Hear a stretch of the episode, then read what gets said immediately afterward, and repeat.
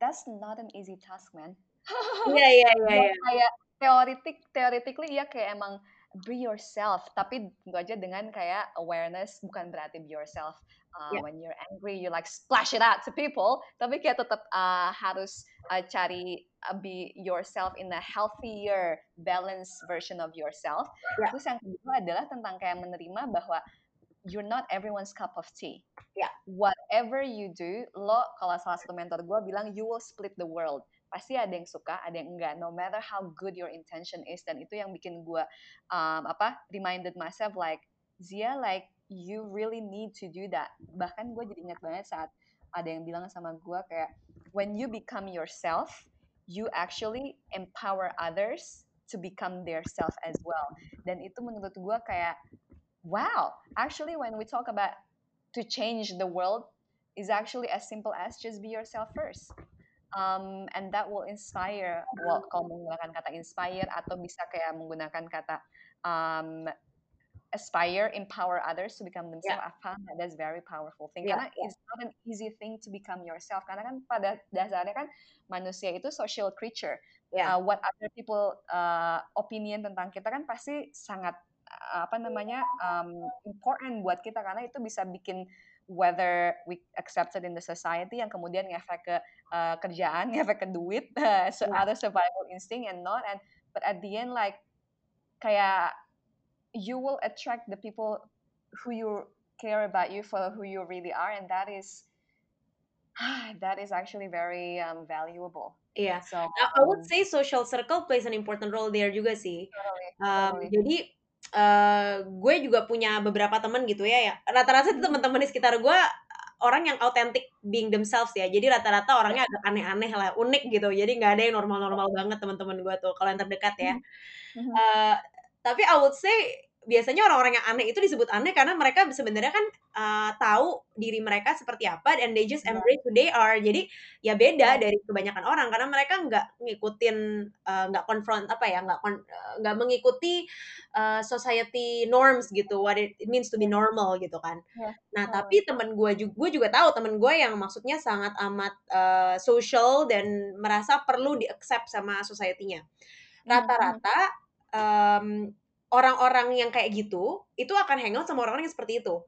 Yeah. Sedangkan orang-orang yang embracing themselves, kita bilangnya mungkin orang-orang yang agak aneh atau unik gitu ya. Mereka tuh mm-hmm. rata-rata teman-temannya juga tipenya yang kayak gitu, gitu. Yeah. Dan uh, menurut gue, gue tuh punya social, gue punya apa support system mm-hmm. yang bagus banget, uh, terdekat lah ya, mm-hmm. terdekat dari suami gue. Suami gue tuh kayaknya udah kita udah dalam tahap mengerti satu sama lain dan gue mengembrace semua sisi dia yang aneh dan baik dan buruk dia juga begitu ke gue I think that's very important hmm. karena lo uh, punya orang terdekat yang ngerasa you feel loved regardless um, of e, anything. Ngerti kan? Maksudnya walaupun lo punya kelemahan dan uh, kelebihan regardless you are loved gitu. Nah gue punya yeah. satu circle sahabat gue tiga orang isi, berempat lah kita isinya itu kita tuh uh, kayak gitu Yang banget. Ternyata gue kenal ya. Iya, yeah, I know. Ini lo belum pernah ketemu nih Zi. Karena memang social circle gue ini gak into wellness. yeah. Tapi yang uh, siapa sih kok gue lupa yang pakai kerudung tuh? Kok Iya, yeah, namanya? Rani, Rani. Rani, there you go. Rani, apa kabar? Dia masih di ngerjain all this education project. Yes, ya ya ya. Dia jadi ada temen gue namanya Rani kan. Uh, dia tuh temen gue dari kelas 3 SD. Uh, jadi gue oh ada geng namanya geng motor dari kelas 3 SD. Kenapa uh, motor gue? Iya, padahal kita gak ada yang bisa naik motor sih, gue juga gak ngerti.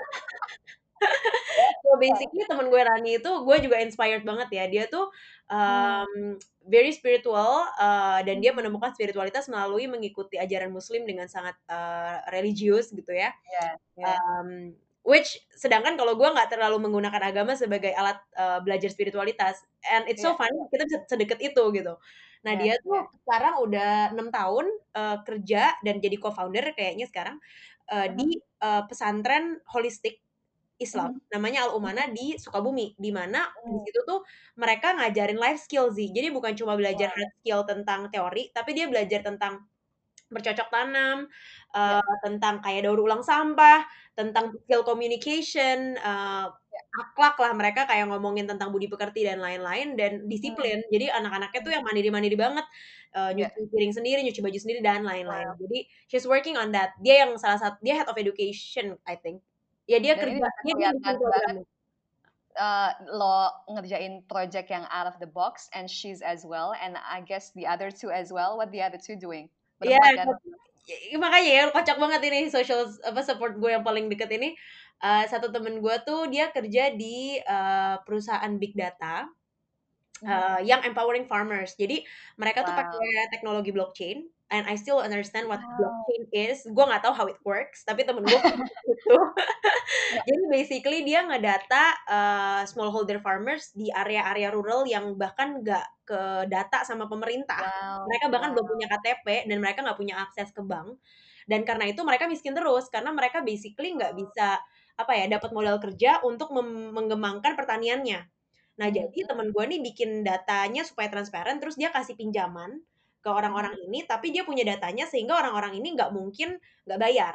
Dan dia tuh hmm, pakai bikin social bikin social uh, apa namanya sistem di mana jadi uh, performance orang ini bayar balik modal kerjanya tiap bulan waktu nyicil itu related to um, ketua RT atau ketua RW di desa-desa tersebut. Jadi intinya lo kalau nggak bayar utang lo malu karena ketua RT lo tahu ngerti nggak? Wow. Yeah. so very interesting ya. Itu itu my friend yeah. uh, leading that project. Itu itu menurut gue keren banget dan uh, out of the box banget ya.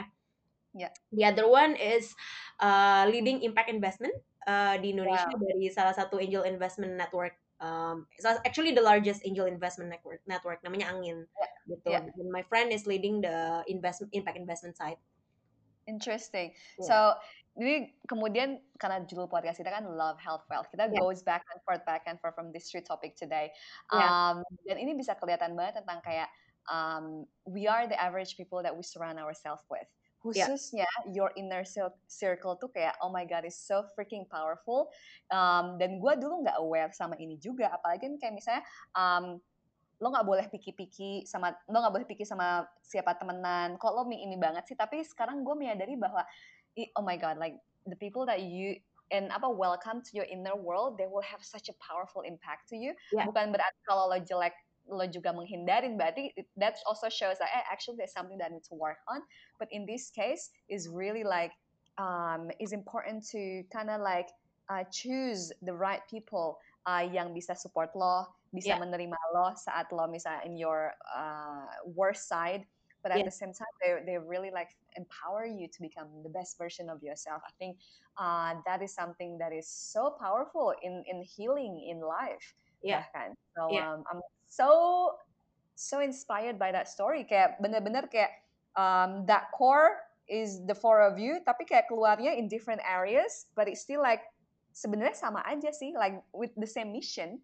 Iya, gua. Iya, iya, iya, lumayan, lumayan. Dan we wouldn't have known kan, kita kan temenan dari kelas 3 SD. Iya, iya, iya. Terus menurut gue jadi kayak bahkan jadi kayak salah satu mentor gue bilang, um, your income will be actually the average of people that you surround yourself with. Bahkan oh, income-nya Wow, we need to hang out with rich people. it is. Akhirnya kan ada orang kemudian twisting that kind of energy, uh, apa namanya knowledge, wisdom dengan kayak oke, okay, gue pengen duit banget. Akhirnya gue um, you know, like going to this club with yeah. the rich people just to that make it. It works.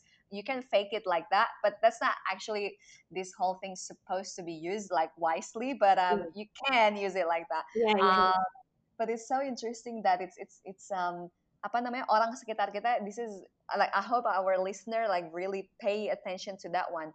Yeah. Um, buat kayak um pay attention to the people that you um, apa namanya invite to your inner world because that yeah. will really impact you.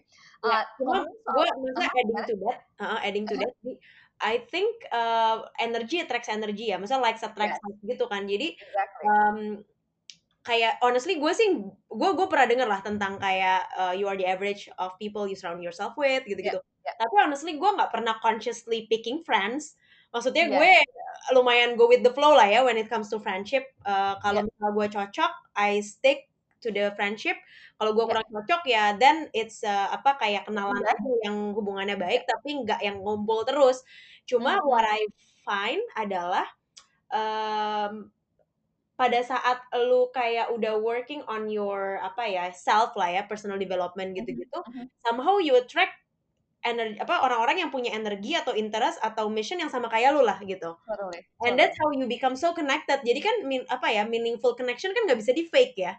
Yeah. kita bisa usaha networking uh, di misalnya kayak tadi yang lu bilang gitu kan mungkin ada ada aja gitu mungkin orang yang mau hangout with the rich gitu kan tapi yeah. kan kalau misalnya connection yang gak meaningful painful juga untuk dijalanin yeah. kan maksudnya lu kayak harus mikir aduh harus ngomong apa ya yeah. yeah, exactly you're not being yourself gitu sedangkan yeah. I feel when you're embracing yourself lu akan attract orang yang embrace themselves juga gitu. Hence, totally, totally. my friends are weird.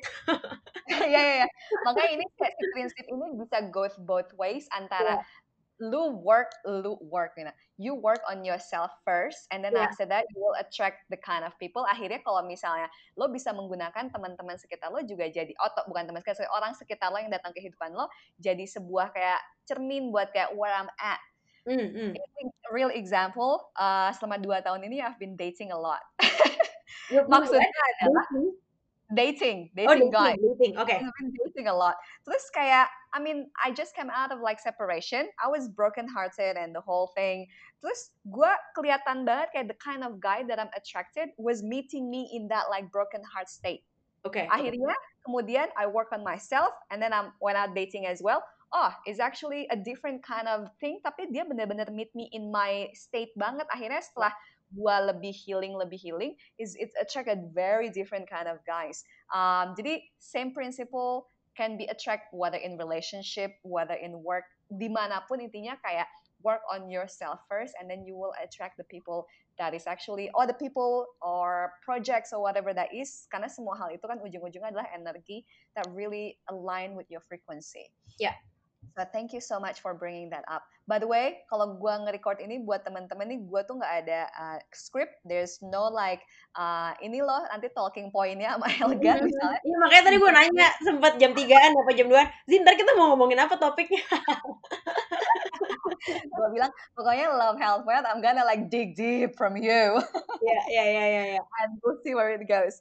Uh, tadi lo uh, mention beberapa kali tentang self healing. Um, hmm. What has been the healing modalities uh, that has been helpful from the beginning of your journey sampai sekarang? Apa sih yang kalau misalnya mau pengen lo bagi sama orang, yeah, um, yeah. works for you? Uh, I started with plant based diet ya. Itu kayaknya hmm. hal yang physical, jadi gampang gue ngerti. Waktu kan gue kan SMP kan mulai mulai ganti pola makan. Jadi hmm. at that time obviously I wasn't aware about emotional healing. Uh, hmm. Jadi kayak for me that was the apa ya gate yang masuk uh, di mana gue masuk ke holistic healing, uh, yeah. plant based diet. Terus dari situ gue belajar tentang how it heals our body, physical body, hmm. tapi how also it heals the mind karena kan hmm. kalau gue waktu itu baca bukunya yang scientific ya sih jadi waktu hmm. itu belum ngelihat dari sisi Ayurveda tentang kayak hmm. energy of the food that you're eating gitu-gitu tapi yeah.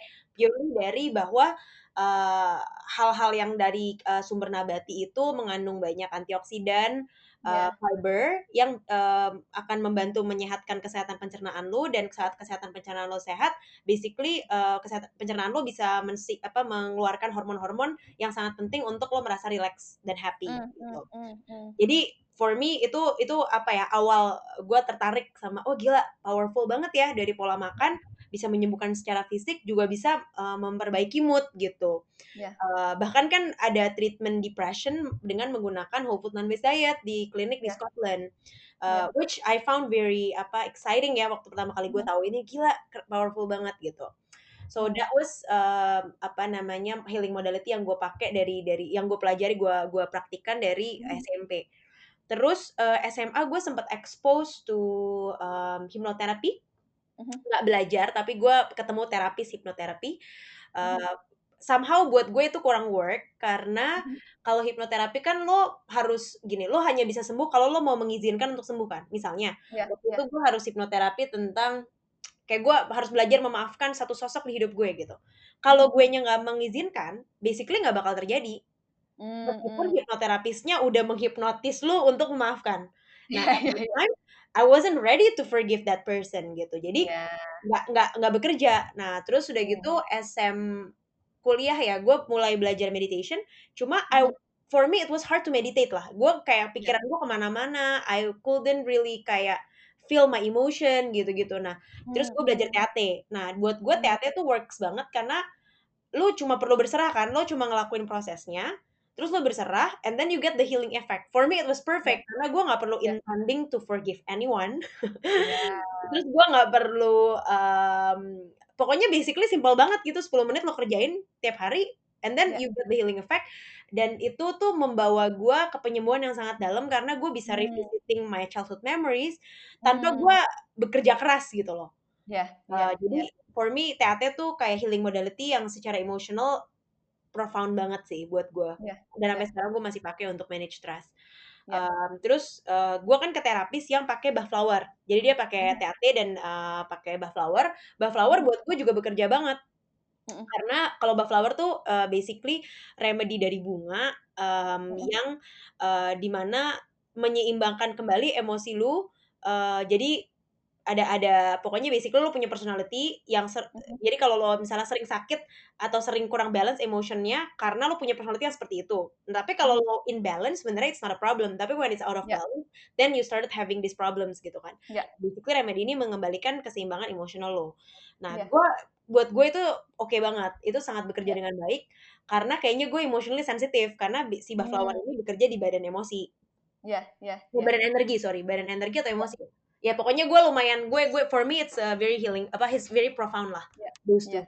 Yeah, Those two. that's amazing. So, um, bukannya mau promosi ya, tapi kalau mau ikutan TAT training Mas Reza Gunawan, silahkan ke Jeda Wellness.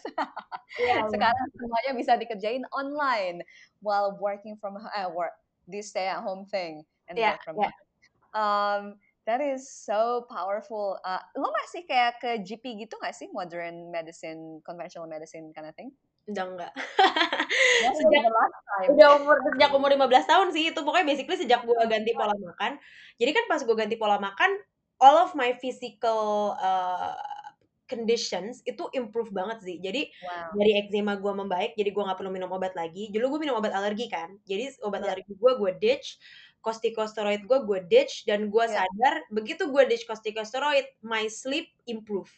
Jadi Wow. ternyata efek sampingnya corticosteroid itu lo insomnia, which I didn't know. Wow. Gue coba bingung aja kenapa gue insomnia dan kalau lo nggak bisa tidur kan basically body clock lo hancur kan dan itu Yeah, lo yeah, jadi lebih gampang sakit, eh, rambut rontok, eh, yeah. moodnya jadi jelek dan lain-lain. Jadi begitu Yeah. gue ditching da- dose eh, karena gue menggunakan pola makan untuk penyembuhan, my Mhm. sleep improve itu kondisi gue overall langsung sehat banget. Sinusitis gue Yeah. gone, Yeah. uh, my skin problems were gone, my sleep was better.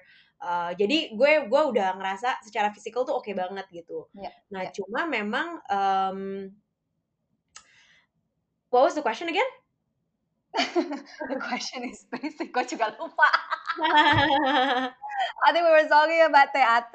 Terus kayak, um, damn, gue juga lupa, man. Gue terlalu uh, present with what you saying. But yeah, basically, you're talking about uh, um, all of these healing modalities yang ngebantu lo.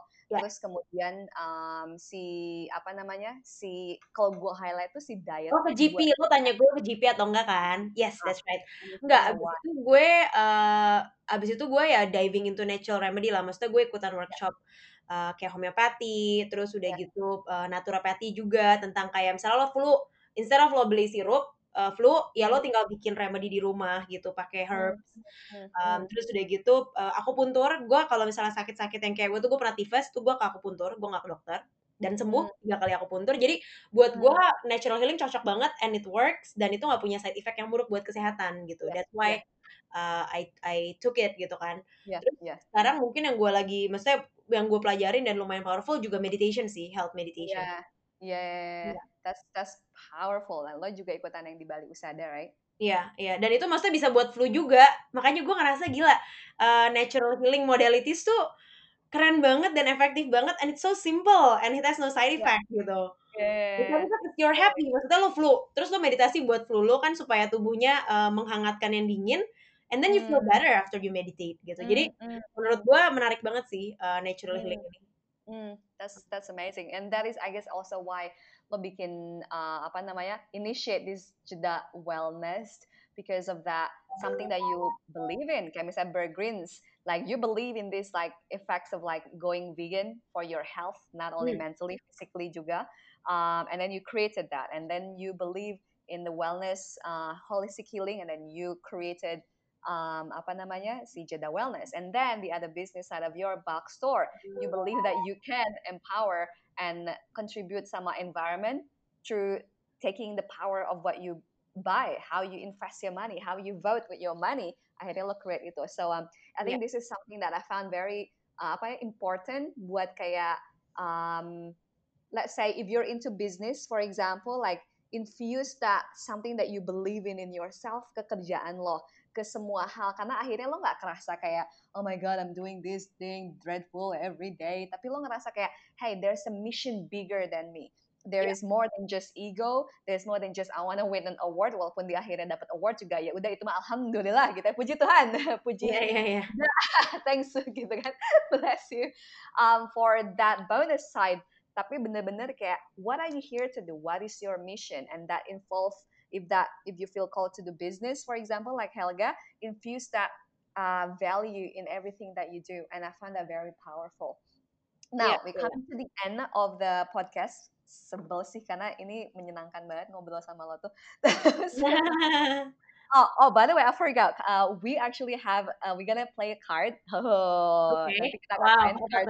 Ini dari School of Life, but later after this. Tapi okay. sebelum ke situ, aku pengen uh, nanya dulu tentang kayak um, is there anything yang kayak menurut lo dalam hidup lo uh, oke okay, tentang ibu lo kayak misalnya um, all of this experience with your mother that shape who you are what would be if you can choose one experience from your life mau itu childhood mau itu saat lo growing up yang seeing it now you're like gila gue gue bersyukur banget sih itu itu kejadian sama gue karena without that that will then makes me who I am today. Misalnya kalau buat gue adalah nyokap gue meninggal. I'm hmm. grateful that she passed away 10 years ago. Bukan berarti kayak ha gue thank you for dying. Bukan gitu tapi lebih kayak the lesson it was fucking painful experience. Like I so many things I create like trust issue apa jadi muncul trust issue gue takut ditinggalin uh, setahun kemudian gue uh, find out I have scoliosis and so many other things muncul karena hal itu. Tapi I am so grateful for that a freaking difficult challenge because that helps me to become who I am today after all of the hard work. Yeah. what would be the most I don't know life changing thing that happens to you yang sebenarnya jadi fondasi buat pertumbuhan lo yang hadir sekarang yang ada sekarang Ya. Um, mungkin dua dua apa ya, dua momen yang bener-bener shaking me, itu hmm. yang jadi pelajaran besar buat gue sih. Yang hmm. pertama, uh, when my father passed away, hmm. and then all the struggles that came after that gitu kan. Jadi kan gue struggling tuh berapa ya, mungkin dari gue umur 9 tahun sampai gue SMA lah. Gue struggling yeah. kuliah, it got better. Cuma uh, financial struggle, terus struggle lo iya. kayak nggak ada sosok di rumah karena kan nyokap gue kerja terus kan. Jadi iya. basically gue di rumah sendiri on my own. Um, terus harus nyari uang dari kecil, terus udah gitu hmm. harus apa ya dealing with so many emotional many emotional things juga ya. Tapi yeah. mungkin itu yang membuat gue jadi kayak apa ya nggak um, easily breakable lah. Maksudnya gue tuh yeah. uh, cukup punya persistence gue punya kayak um, apa ya uh, gua, I would say gue staff sekarang itu karena experience itu karena gue harus melalui itu dan it was so unpleasant when we went through that I'm sure it's also like that ya with you uh, itu itu menurut gue uh, salah satu yang kayak shaping my personality banget mm. Mm.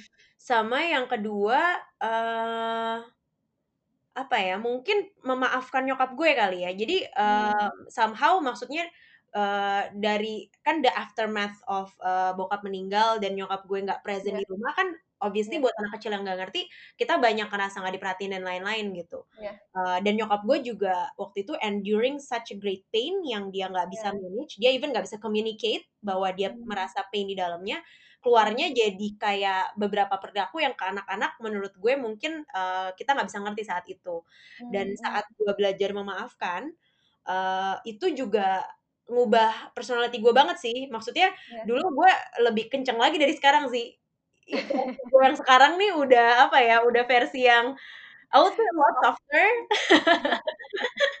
than I was gitu. Jadi itu itu juga jadi ya pelajaran memaafkan tuh buat gue uh, ini banget sih apa hmm. membuat hidup gue jauh lebih ringan lah dan lebih gue lebih santai, gue lebih uh, bisa nggak stress over small things gitu. Yeah.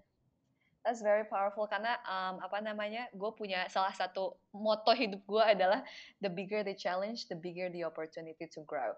Uh, yeah. Dan kalau misalnya gue ngasih Vedic astrology reading misalnya sama orang, um, I I don't see it as a bad thing or as a good thing. Bener-bener kayak, are you up for the challenge? Because everyone born for in this world for a purpose. Essentially, the purpose-nya adalah supaya jiwa kita berkembang mau yeah. itu dari hal yang terlihat baik secara manusiawi atau jelek dari sisi kacamata manusia all of that is just um, apa namanya an opportunity for us to grow makanya kayak um, I wanna like really emphasize on like uh, stories um, from the people that I interview for example buat podcast ini adalah benar-benar kayak look there is a there's a why there's a story behind all of their amazingness behind the scene yang kadang gue tuh sering banget dapat orang kayak gue nggak bisa jadi kayak gitu sih atau gue nggak bisa jadi kayak lo hell karena gue tuh bukan lo. Tapi kayak actually if you look back we're all human. We all like dikasih opportunity sebenarnya buat berkembang. Cuma ada orang yang kayak are you up for it? Are you like gonna like turn this like a phoenix for example? You like burn to the ash but after you grow? Or not. You have the free will. You have the freedom to create the life that you want. Depends how you react to it. Okay. yeah. Now, the exciting part. Ini adalah uh, mainan dari School of Life. I'm sure you heard about School of Life. So, um, ini nanti gue bakal pick random card yang kategorinya adalah love and relationship, sex, personality and emotion, culture and taste, family and friendship, self, work and money, travel, and then life and death. Um, okay as you know School of Life dia kan ngobrolin tentang kayak makna hidup and yeah. they go very like deep as well. Makanya gue seneng banget incorporate ini di podcast gue. Yeah. jadi um, I'm going to like take card randomly and then both of us gonna answer it okay? Okay. Enggak ini enggak rame. Maaf maaf. Maaf agak picky. Okay there you go. This is a good one Are you more attracted to a nomadic or settled life? Uh, yang pertama apa? Uh, are you more attracted with a nomadic or settled no. life? Settled. Okay. Settled Why life. is that? Um, what mungkin, is settled for you mean? Like staying uh, apa ya? Gue ngerasa settling nomadic tuh maksudnya pindah-pindah kan? Yeah. Sedangkan settling lo di suatu tempat terus and then you grow from that space gitu kan. Mm, um, buat gue itu ngasih sense of um, gue kayak grounded gitu loh. Gue gue yeah. rooted uh, di suatu tempat mm. dan gue hmm. suka berkembang di suatu tempat ngelihat uh, progress dari apa yang gue lakukan gitu. Mm, mm, mm, mm. Gitu. That's really good one. Salah satu mentor gue bilang uh, you can only go as far high as how far your roots goes down. Jadi in this case kayak lo megang banget ya bu ya di Jakarta because you feel grounded in Jakarta. You know what I mean? well, technically gue tinggal di BSD loh. well, you, lo megang di BSD, di Bekasi, di Tangerang ya, di Jakarta. Amin, amin, ya, amin aja. Eh, uh, by the way, Burgreens lagi mau buka ya di Bekasi ya, is that correct? Yes, mau buka okay. cloud kitchen sih tapi cuma buat apa delivery doang. Okay. Okay, still, oh my goodness, all of this, at least all of this craziness. Oh yeah, we're opening just like a new like branch, you know, like you know. Kalau buat gue jawabannya obviously the Vata in me will be like, yeah, nomadic life. Uh, yeah. Berhubung gue punya project namanya Holistic Nomads, tapi gue sekarang, uh, I think is a factor age age factor. Kayaknya at some point you like you know what? I'm ready. I'm ready for like more something more settled. Tapi tetap aja kayak bawaan Fata gue tetap harus ngerasa there's some kind of like uh, spice to it. Spice-nya bukan makan cabai dan bukan spice-nya ala Helga. Uh, but more like exploring life. Now yeah. the last question. Are you good at saying you're sorry? Ooh. Uh, I would say so. gue uh, gini, gue definitely dulu susah banget. Gue susah uh, karena dulu gue belum memaafkan kan, belum memaafkan. Jadi gue susah maafin. Uh, gue susah apa ya? Susah minta maaf somehow. Kocak ya. Jadi kayak gara-gara belum hmm. memaafkan, jadi susah minta maaf. Tapi sekarang gue hmm. uh, lumayan punya self awareness. Kalau gue salah ya gue aja say sorry gitu. Yeah. Oh my god, this is actually very difficult for me karena ego gue tinggi, man jadi kayak yeah. saying sorry is actually also admitting that I'm not perfect. Iya. Yeah. I'm actually make a mistake dan gue sebagai orang yang kayak uh, perfectionist buat diri gue dan uh, very pushy to myself terus gue kayak kayaknya gue udah doing my best deh masa gue harus masih tetap say sorry so um, but I learned that actually saying sorry doesn't mean you lower yourself doesn't mean yeah. you hurt your ego and actually become apa ya kayak Brené, bon, Brené Brown bilang kan sebenarnya vulnerable being vulnerable actually a power in its own. Ya, yeah, it's just, menurut gue tuh orang yang berani minta maaf dia cukup secure sama dirinya sih. Ya, yeah, untuk exactly. untuk kayak apa ya having the courage to say sorry itu eh, nggak uh, gampang definitely. Definitely buat orang yang egonya tinggi. And I had yeah. high ego I still have I still do some from time to time gitu ya. Yeah. cuma uh, karena punya awareness aja kali ya dengan awareness gila ini kita gue gue sebenarnya salah gue nggak minta maaf karena ego gue gitu. Jadi yeah, yeah, yeah. dan for, apa ya apologize tuh resolve so many conflict menurut gue yes, yes, ya nggak sih? exactly exactly. Yeah so oh my god this has been such an interesting and great um, story. Gue jadi lebih kenal sama sebenarnya interesting nih gue interview sama orang gue jadi lebih kenal sama orang itu karena I think we set up in a way like hey I'm gonna dig deep to you and you please cooperate jadi yeah. normal conversation. Maybe this kind of question doesn't come up. So thank you very much for taking your time uh, and you're very busy. So girls you like be in for a treat gue tahu sih karena lo udah enjoy uh, this conversation. Now, ke ending the interview today, uh, ngobrol-ngobrol yeah. kita kali ini, ada satu pertanyaan terakhir karena yeah. judul podcastnya ada Love, Health, Wealth. I'm mm-hmm. curious, um, what is your definition of love, health, and wealth? Secara summary, tadi kan sebenarnya kita udah ngobrolin juga banyak kan. Yeah. Is to summarize it, what is your definition of love, health, and wealth?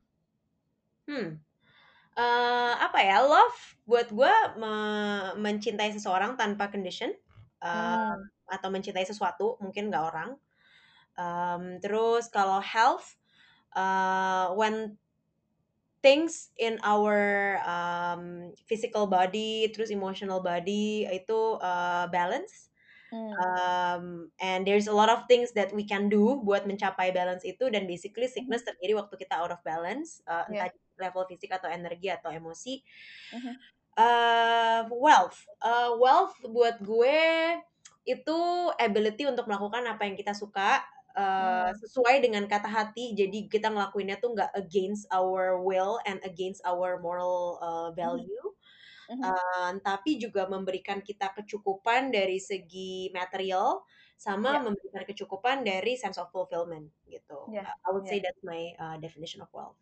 Yeah. Oh my God, Helga, thank you so very much. Bukan cuma to showing up today and the podcast, but just for being you. Like, um, bahkan temen gue ada yang kayak gue ngefans banget sama Helga, padahal dia lebih tua dari gue.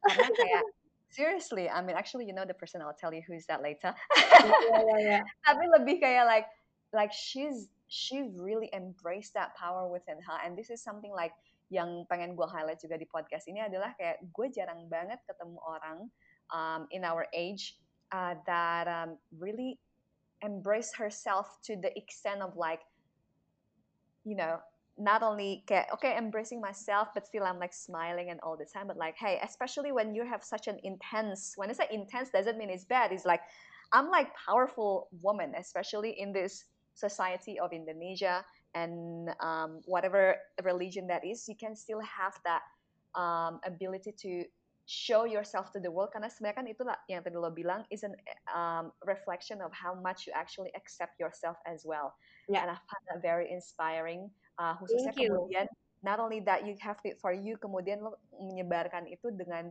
project-project lo yang helping so many lives. Gue gak ngerti deh gue yakin hidup lo selanjutnya lo sorted lah. Amin amin. Semoga gue lahir jadi manusia yang gak banyak masalah.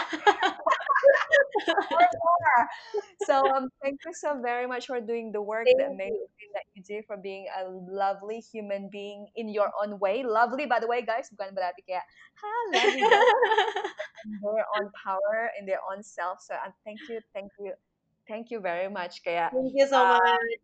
For your time. You ngerti deh sih jeda mau gimana during this whole pandemics and which also involve all of the employee, all of the people that get benefit from your works they still can benefit that even during this pandemic it's like i can't do that like i can't do that so oh my god, like you're such a freaking amazing human being. So thank you.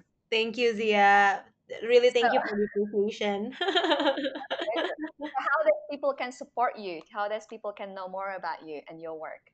Uh, I guess check out my Instagram, uh, yeah. Helga Angelina. Um, kalau my work bisa ditemukan di Instagram juga, bergreens, jeda.wellness sama The Boxer Co. Uh, apa ya, support me by uh, try my products, show your love, especially during this difficult time. Um, we're still surviving uh, and we're still yeah. opening seven. Jadi kita dari 10 outlet 7 masih buka and we do that mm-hmm. uh, to keep um, as many jobs as possible. Yeah, yeah. Uh, so thank you everyone who has been supporting. Banyak banget sih teman-teman gue personally uh, loyal customer of Beer Greens who have been supporting us uh, during this difficult time. Um, and uh, I guess um, try to apa ya mungkin uh, support um, environmental and health causes that I'm promoting uh, yeah. through changing your lifestyle gitu. Oh, thank you so very much. So thank those you. of you yang enggak di Jakarta pun sekarang you can still support Burgreens and the cause that they are you know envisioning to bring forward di Jakarta mau di Indonesia because they're also available on Tokopedia ya. Ya betul sekali dan kita delivering nationwide as long as JNE uh, bisa deliver dalam sehari. Iya. oh harus sehari berarti Bali nggak bisa ya Bali bisa Bali bisa oh, Bali bisa sehari bisa pakai oh JNE ya uh, uh, uh, uh, yang nggak bisa tuh yang area-area yang kayak jarang orang kirim paket gitu loh Zi Oh, I see. Oh my god, gue dari kemarin pengen coba yang bakso yang baru, men. Oh gitu. Kalau Mas Reza approve, gue kayak mau coba gue. Iya iya iya iya. iya. I'm gonna try that. So thank you very much, Helga. Thank you, I hope to see you in person soon. Yes, let's do that. Let's do that. June, June, June. June, Amin, Amin. Thank you, God. Thank you. Please, like some planetary changes. Thank yeah. you. Have a good day, everyone. Bye. Thank you. Bye. So that's the inspiring interview for this week, and I hope you get benefits from it. Now, to get even more out of this interview, here's what you gotta do. Share this interview on your social media, tag me at Zia Kusumawardini, and write down your learning points from this interview. Not only you can retain the information better, but by doing so, you can also inspire others to create a life they love. Also, if you'd like to learn more about how to have the body you love and love the body and life you have, you can learn more through my Instagram at Zia Kusumawardini or visit my website www.ziakusumawardini.com. Lastly, I'm looking forward to having you in the next episode. Bye!